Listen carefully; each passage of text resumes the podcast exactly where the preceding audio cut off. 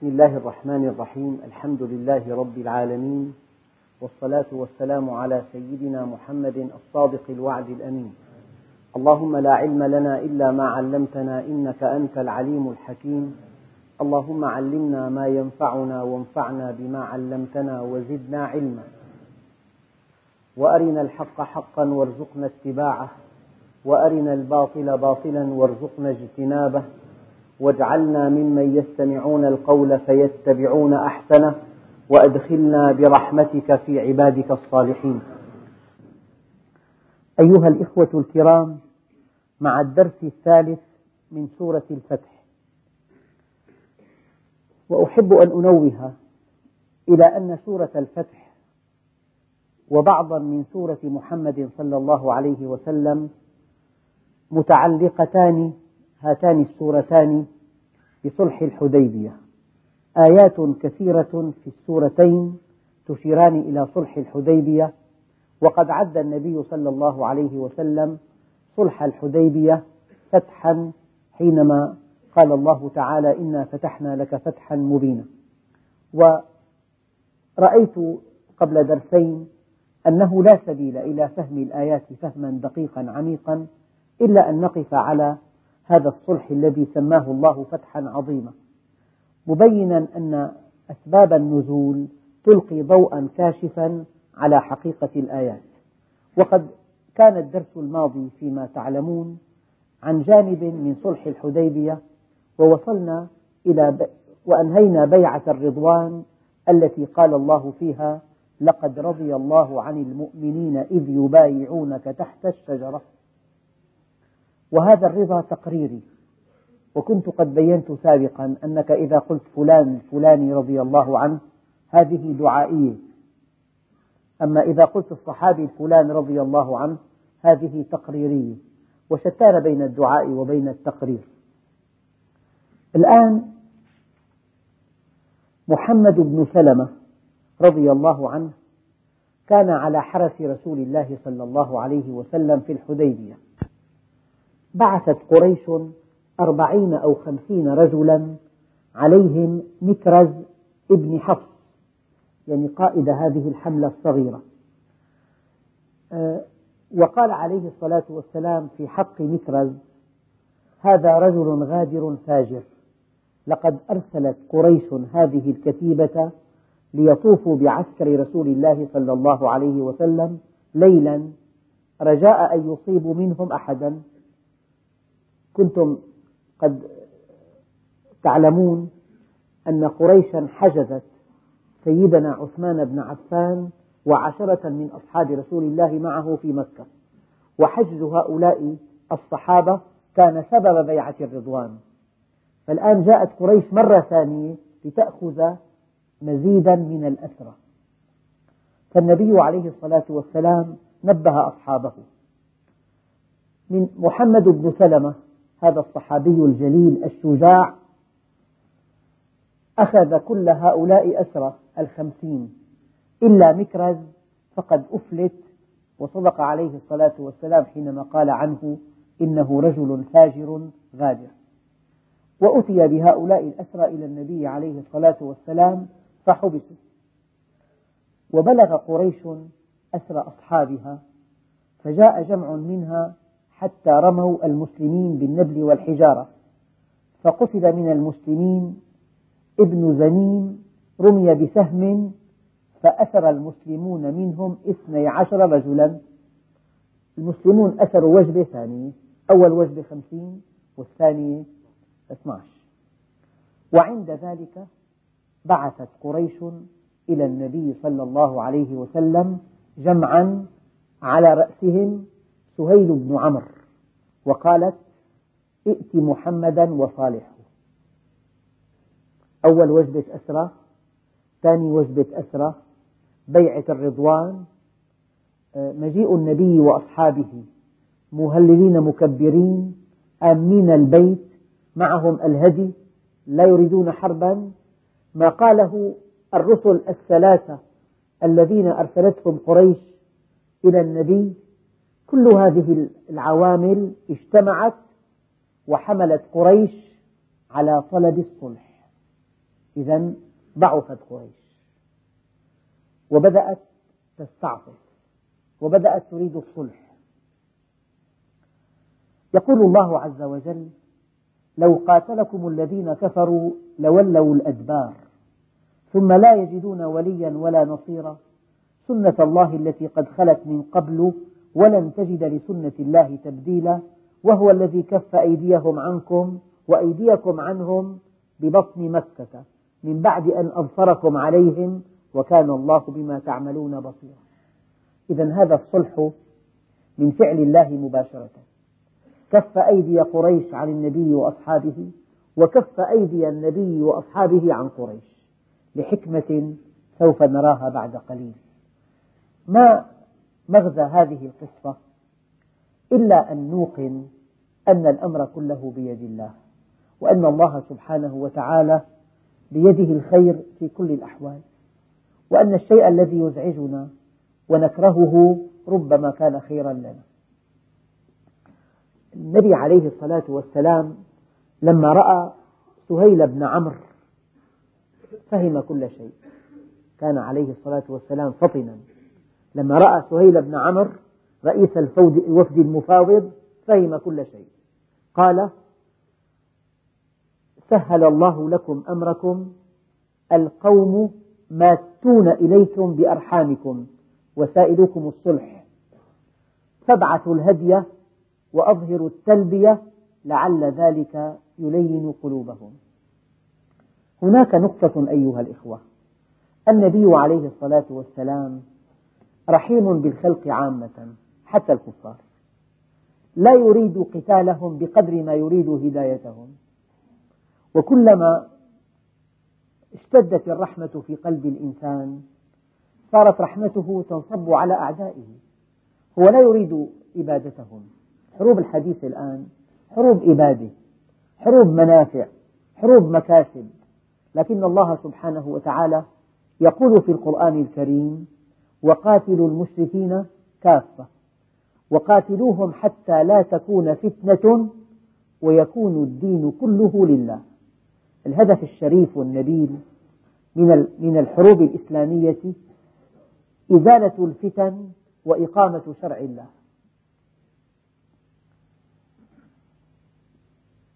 الشيء الذي يلفت النظر أن أبا سفيان لم يرد ذكره إطلاقا في صلح الحديبية إذ أنه كان غائبا في بعض تجاراته والأرجح في اليمن لتعطل طريق تجارة قريش إلى الشام. كان أبو سفيان مسافر إلى اليمن. الآن دخلنا في المفاوضات. كان من تعليمات قريش إلى رئيس وفدها جلية واضحة. ائت محمدا وصالحه. ولا يكن في صلحه إلا أن يرجع عنا عامه هذا. يعني أول شرط أصرت عليه قريش أن يرجع محمد عن عمرة عن العمرة في هذا العام. فوالله لا تتحدث العرب أنها أنه دخلها عنوة أبدا يعني حفاظا على ماء الوجه. إن قريشا لا تحتمل أن يأتيها محمد عليه الصلاة والسلام وهي التي أخرجته من مكة أن يأتيها ليعتمر البيت عنوة وقسرا فالرؤيا واضحة في فكر ونفس سهيل بن عمرو وهي أوضح في نفس النبي عليه الصلاة والسلام. وأقبل سهيل على النبي صلى الله عليه وسلم فقال أراد القوم الصلح؟ فقال عليه الصلاة والسلام أراد القوم الصلح حينما بعثوا هذا الرجل. وكلكم يعلم أن من صفات الأنبياء الفطانة والفطن سريع الإدراك. يدرك السطور وما بين السطور وما خلف السطور. يدرك الوقائع وما خلف الوقائع. يدرك البواعث العميقة. فالنبي عليه الصلاة والسلام حينما رأى سهيلا قال أراد القوم الصلح حين بعثوا هذا الرجل. سهيل بن عمرو قال يا محمد إن الذي كان من حبس أصحابك عثمان والعشرة. وما كان من قتال من قاتلك مكرز لم يكن من رأي ذوي رأينا بل, بل كنا كارهين له حين بلغنا ولم نعلم به وكان من سفهائنا فابعث إلينا بأصحابنا الذين أسرت أولا وثانيا. يعني هذا الذي حدث من حجز عثمان وأصحابه ومن آه، كتيبة مكرز ومن فعل الذين جاءوا بعده هذا لم يكن من رأينا بل كان من رأي سفهائنا. يقول لك سوء تصرف ممارسات خاطئة. ماشي. وهنا يلمس في كلام سهيل المدخل اللطيف. ففيه لين وتودد حتى وتراجع وغاية سهيل تحقيق الهدف الذي جاء من أجله. ألا وهو الصلح. وإبعاد الحرب. يبدو أن قريش أيقنت كما قلت قبل قليل. إن بيعة الرضوان كان لها تأثير كبير معنوي سلبي في نفوس القرشيين. أصحاب النبي كرجل واحد وقفوا معه صفا واحدا وبايعوه على الموت. الشيء الثاني ما ذكره الرسل الثلاثة من أخبار طيبة من أن أصحاب رسول الله ما جاءوا يبتغون حربا. والشيء المهم أن أسر الخمسين وأسر الباقين آه، شعرهم آه، جعلهم يشعرون أنه فيما لو التحم الفريقان فالنصر للمسلمين وقد أشارت الآية الكريمة من بعد أن أظفرهم عليهم. من بعد أن أظفركم عليهم. أولا سهيل أراد إطلاق سراح الأسرى القرشيين. لكن هؤلاء الأسرى كانوا ورقة رابحة بيد النبي عليه الصلاة والسلام.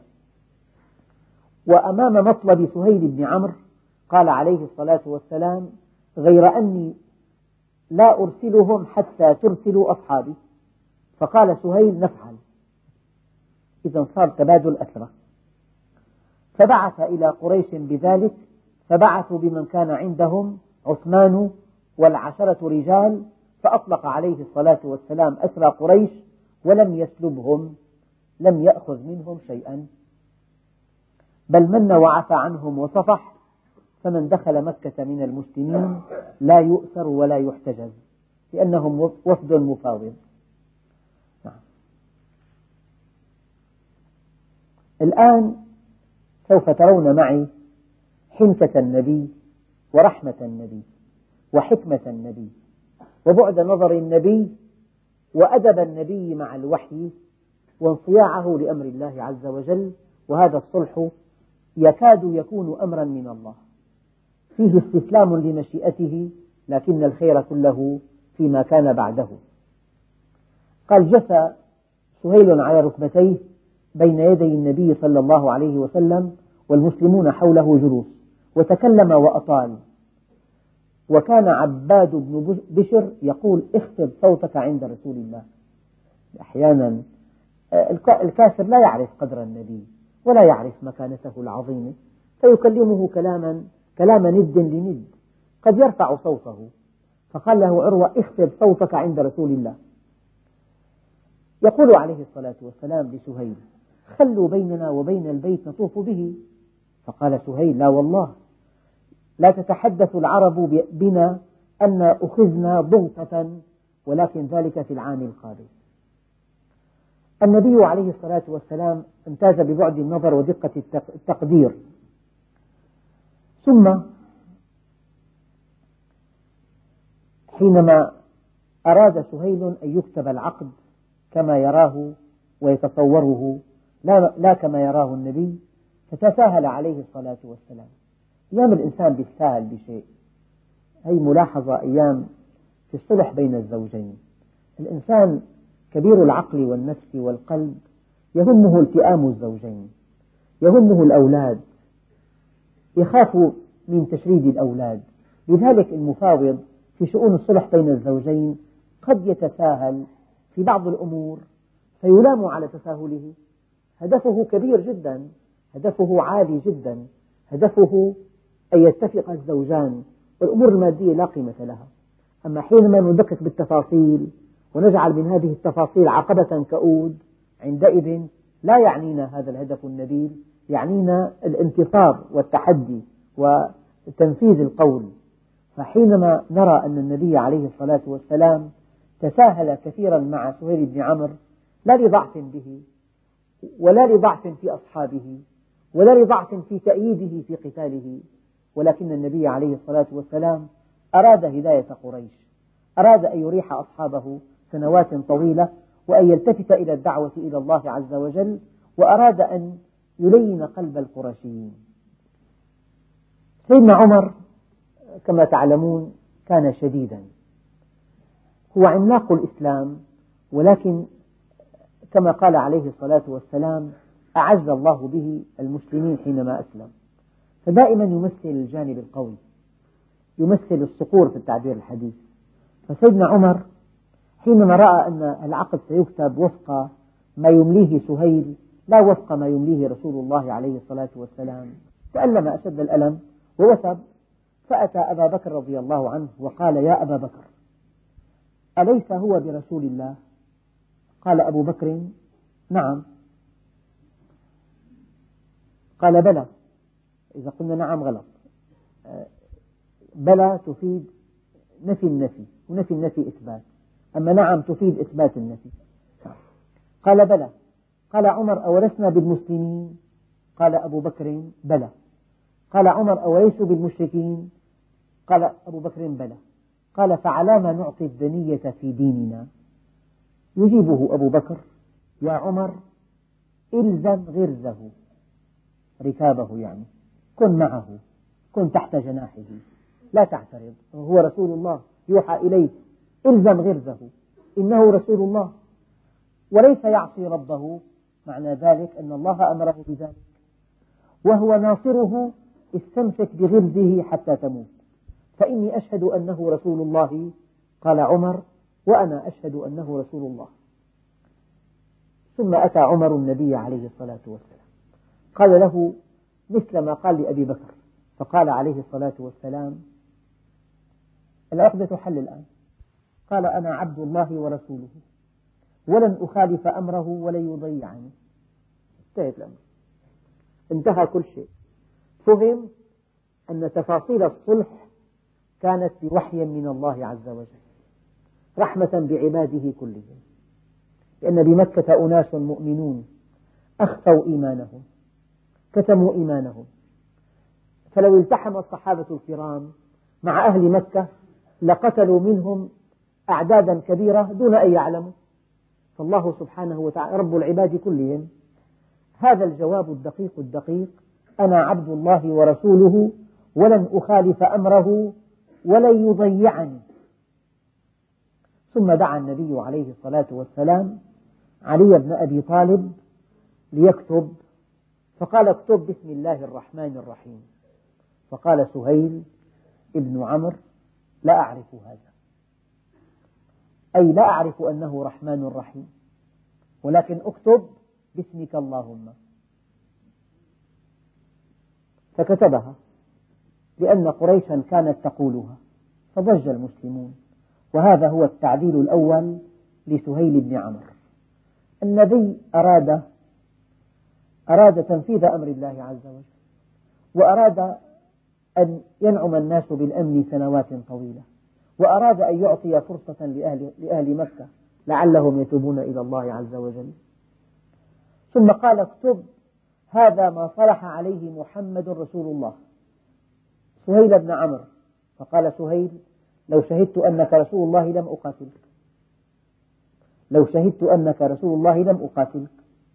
ولم أصدك عن البيت ولكن اكتب باسمك واسم أبيك.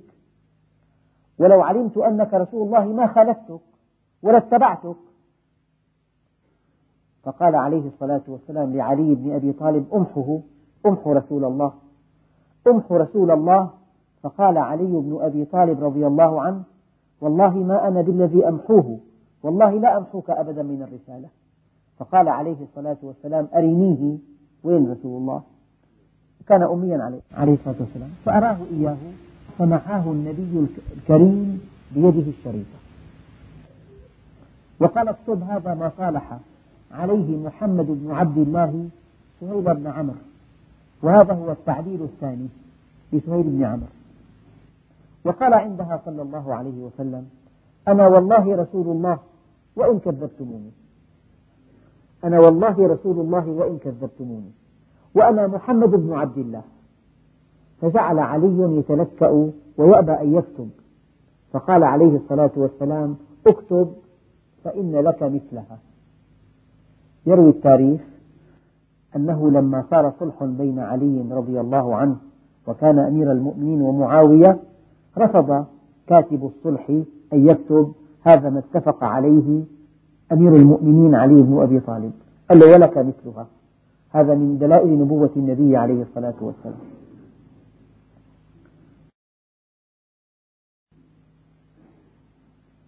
ثم اتفق النبي عليه الصلاة والسلام وسهيل بن عمرو على أن تضع الحرب أوزارها عشر سنين. تأمن فيه الناس ويكف بعضهم عن بعض على أنه من أتى محمدا من قريش ممن هو على دين محمد بغير إذن وليه رد إليه ذكرا كان أو أنثى. ومن أتى قريشا ممن كان مع محمد مرتدا ذكرا كان أو أنثى لم ترده قريش. ما في معاملة بالمثل؟ إن جاء رجل دون إذن وليه مؤمنا برسول الله على النبي صلى الله عليه وسلم أن يرده إلى وليه. أما إذا جاء رجل من, من, من كان مع النبي مرتدا عن إسلامه إلى قريش لا تكلف قريش أن ترده إليه. وشرطوا أنه من أحب أن يدخل في عقد محمد وعهده دخل فيه القبائل يعني. ومن أحب أن يدخل في عقد قريش وعهدهم دخل فيه وأن بيننا وبينكم هدنة. نعم. وقال سهيل وإنك ترجع عامك هذا فلا تدخل مكة. والله لو عرف سهيل من يخاطب لذاب كما تذوب الشمعة ولكن لا يعرفه. يعرف أنه آه، إنسان جمع الناس حوله واستقل بهم وحارب قريشا مرتين. أما لو عرف أنه رسول الله لاختلف الوضع كثيرا. وقال سهيل وإنك ترجع عامك هذا فلا تدخل مكة. وإنه إذا كان عام قابل خرج منها قريش فتدخلها بأصحابك فتقيم, فتقيم بها ثلاثة أيام معك سلاح الراكب السيوف في القرب والقوس لا تدخلها بغيرها. يعني في العام القابل أهل قريش يخرجون والنبي عليه الصلاة والسلام وأصحابه يعتمرون ثلاثة أيام وليس معه من السلاح إلا السلاح الشخصي سيوف في قربه فكتب عليه الصلاة والسلام في أسفل الكتاب ولنا عليكم مثل الذي لكم علينا كتب, كتب الكتاب ونسخ مثله نسخ مثله محمد بن سلمة رضي الله عنه لسهيل لأن سهيلا قال يكون هذا الكتاب عندي. وقال عليه الصلاة والسلام بل عندي. فأخذه رسول الله ثم كتب محمد ابن سلمة نسخة لسهيل. ما كان في آلة نسخ وقت.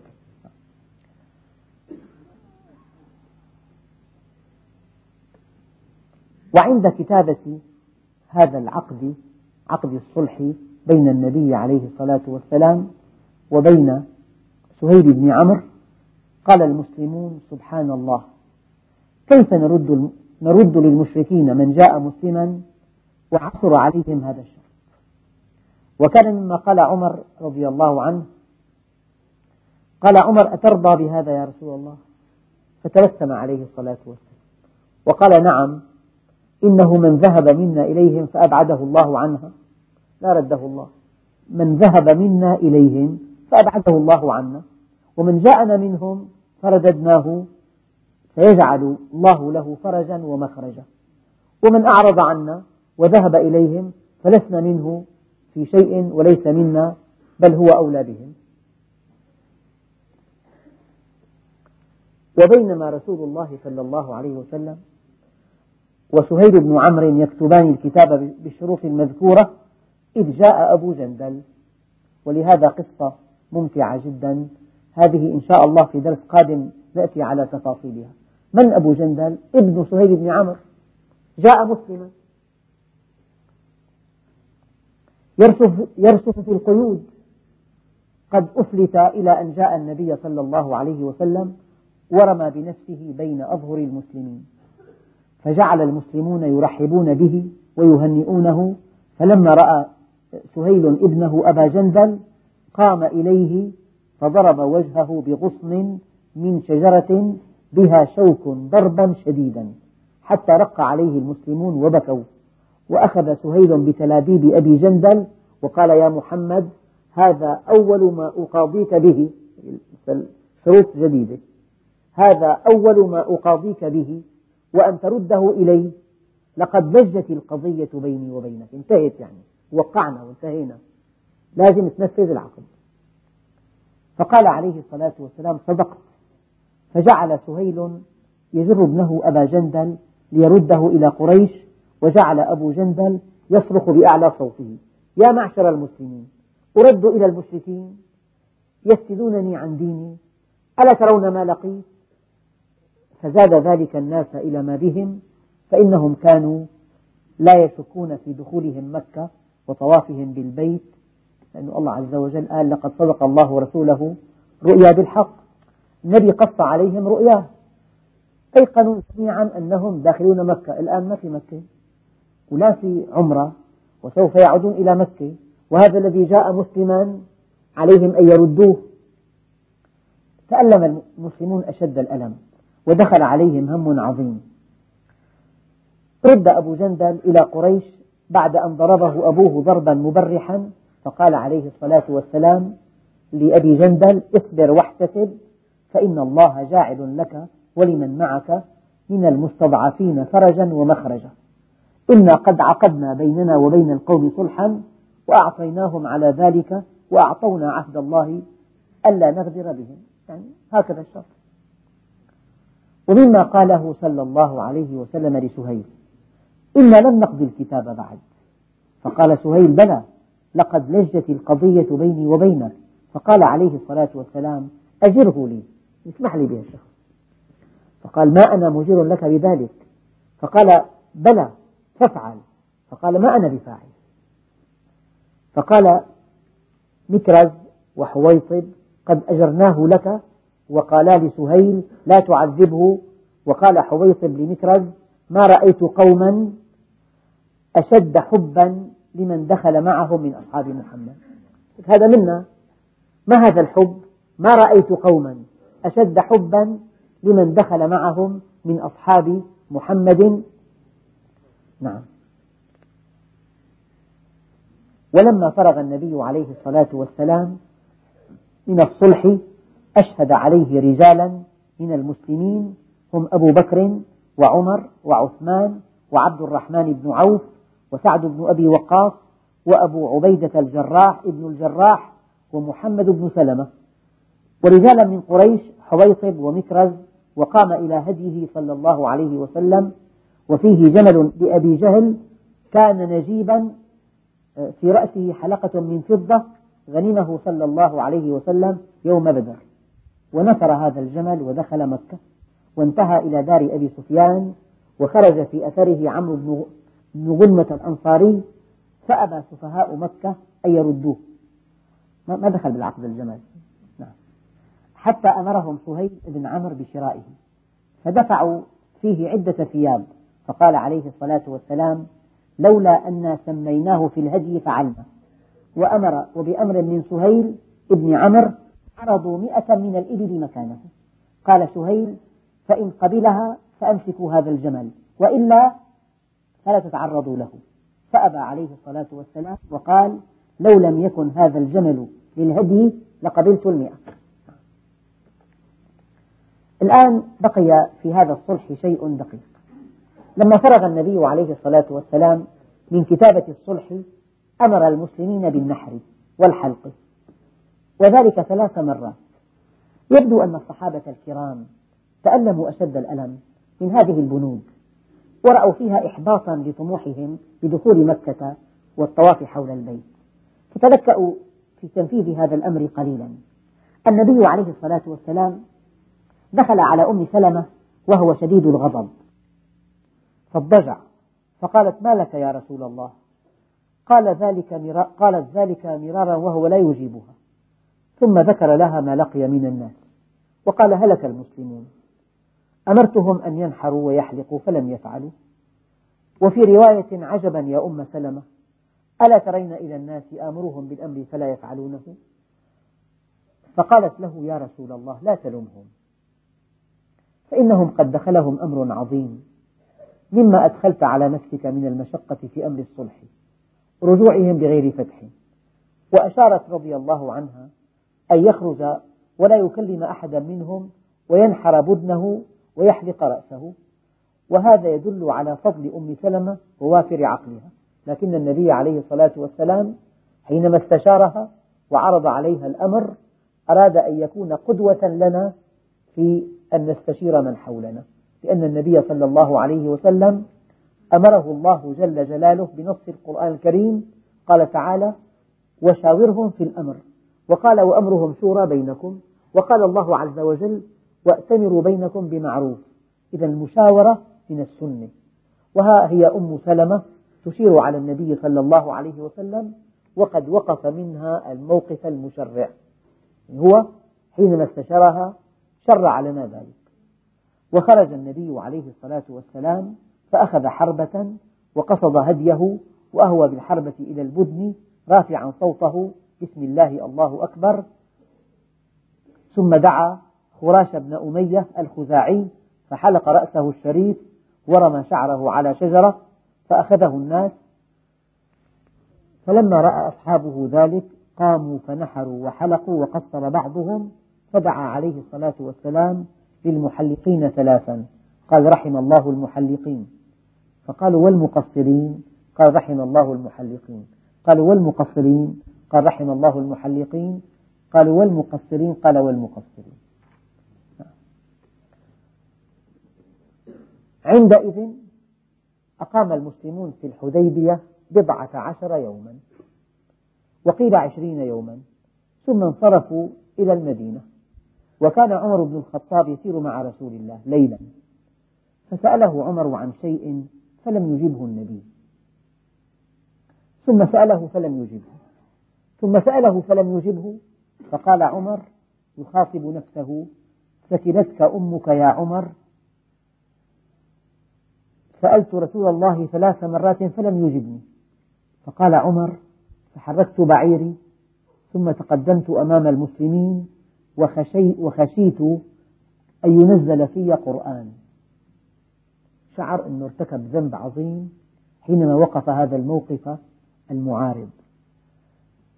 فما لبثت أن سمعت صارخا يصرخ بي قال فقلت لقد خشيت أن يكون قد نزل في قرآن. فجئت رسول الله صلى الله عليه وسلم فسلمت عليه فقال لقد أنزلت علي الليلة سورة لهي أحب إلي مما طلعت عليه الشمس. في الطريق نزلت. ثم قرأ إنا فتحنا لك فتحا مبينا. الله عز وجل سمى هذا الصلح فتحا مبينا. على أن الصحابة تضايقوا وتألموا وأحبطوا وشعر أحدهم أنه لم يعتمر ولم يطف بالبيت وعاد خائبا. وأن الصلح بنوده ليست في صالح المسلمين. فيه تنازلات كثيرة جدا ولكن النبي قال أنا عبد الله ورسوله أفعل ما يأمرني الله به. ثم جاء قوله تعالى إن الذين يبايعونك إنما يبايعون الله. يد الله فوق أيديهم فمن نكث فإنما ينكث على نفسه ومن أوفى بما عاهد عليه, عليه الله فسيؤتيه أجرا عظيما. ثم يقول الله عز وجل في الطريق إلى المدينة بعد صلح الحديبية لقد رضي الله عن المؤمنين إذ يبايعونك تحت الشجرة فعلم ما في قلوبهم فأنزل السكينة عليهم وأثابهم فتحا قريبا. ثم يقول الله عز وجل هو الذي كف أيديكم أيديهم عنكم. لا تتألموا هو الذي كف أيديهم عنكم. وأيديكم عنهم. الله منع النبي أن يقاتلهم. ببطن مكة في الحديبية يعني. من بعد أن أظفركم عليهم. وكان الله بما تعملون بصيرا. هم الذين كفروا وصدوكم عن المسجد الحرام. والهدي معكوفا. أن يبلغ محلة. الهدي معكم كان. وأنتم أردتم بيت الله الحرام. صدوكم عن المسجد الحرام. ولولا شوفوا الحكمة. ولولا رجال مؤمنون ونساء مؤمنات لم تعلموهم. أن تطؤوهم فتصيبكم, فتصيبكم منهم معرة بغير علم. ليدخل الله في رحمته من يشاء. لو تزيلوا لو أن المؤمنين في مكة الذين لا تعرفونهم لو تزيلوا لعذبنا الذين كفروا منهم عذابا أليما. لكن هؤلاء المؤمنين مع الكفار بينهم. لو حاربتموهم لقتلتموهم وهم مؤمنون. إذ جعل الذين كفروا في قلوبهم الحمية حمية الجاهلية فأنزل الله سكينته على رسوله. النبي كان هادئ جدا. شرط مهين ما في مانع. تنازل امحوا اسم الرسالة ما في مانع. من جاء مسلما يرد. من, من جاء مسلما يرد. من جاء مرتدا لا يرد. كل هالشروط الصحابة ما فهموها. إذ جعل الذين كفروا في قلوبهم الحمية حمية الجاهلية فأنزل الله سكينته على رسوله وعلى المؤمنين وألزمهم كلمة التقوى وكانوا أحق بها وأهلها وكان الله بكل شيء عليما لقد صدق الله رسوله الرؤيا بالحق لتدخلن المسجد الحرام إن شاء الله آمنين محلقين رؤوسكم ومقصرين لا تخافون. فعلم ما لم تعلموا فجعل من دون ذلك فتحا قريبا. هو الذي أرسل رسوله بالهدى ودين الحق ليظهره على الدين كله وكفى بالله شهيدا. أرأيتم إلى أن هذه الآيات يصعب تفسيرها من دون أن نعلم القصة على حقيقتها؟ لذلك أحيانا هناك آيات لا تفهم إلا بأسباب النزول. سورة الفتح بأكملها وبعضا من سورة محمد عليه الصلاة والسلام لا نفهمها إلا إذا قرأنا أسباب النزول.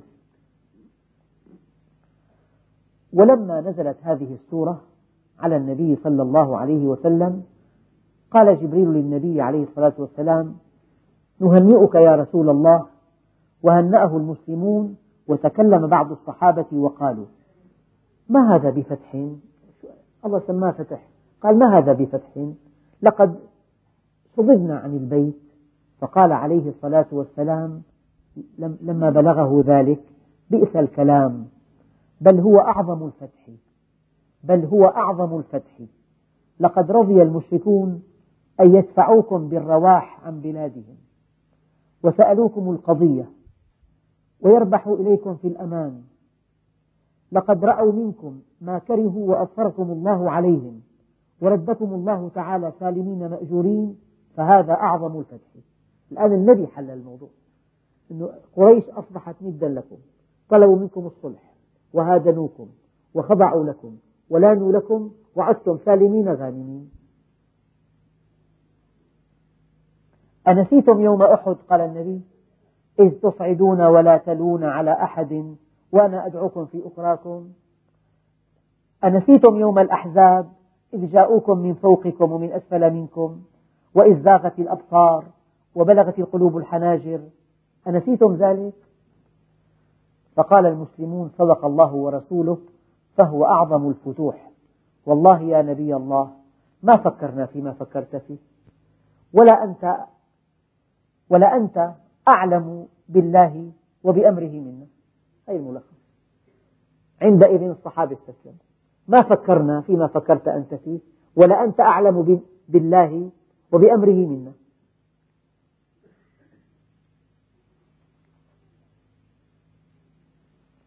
في رواية هي في ختام الدرس لما صدوا قال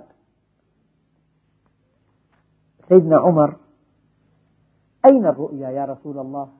كيف نفسر الرؤيا إذا وهذا يمثل منتهى الجرأة والحرية الفكرية.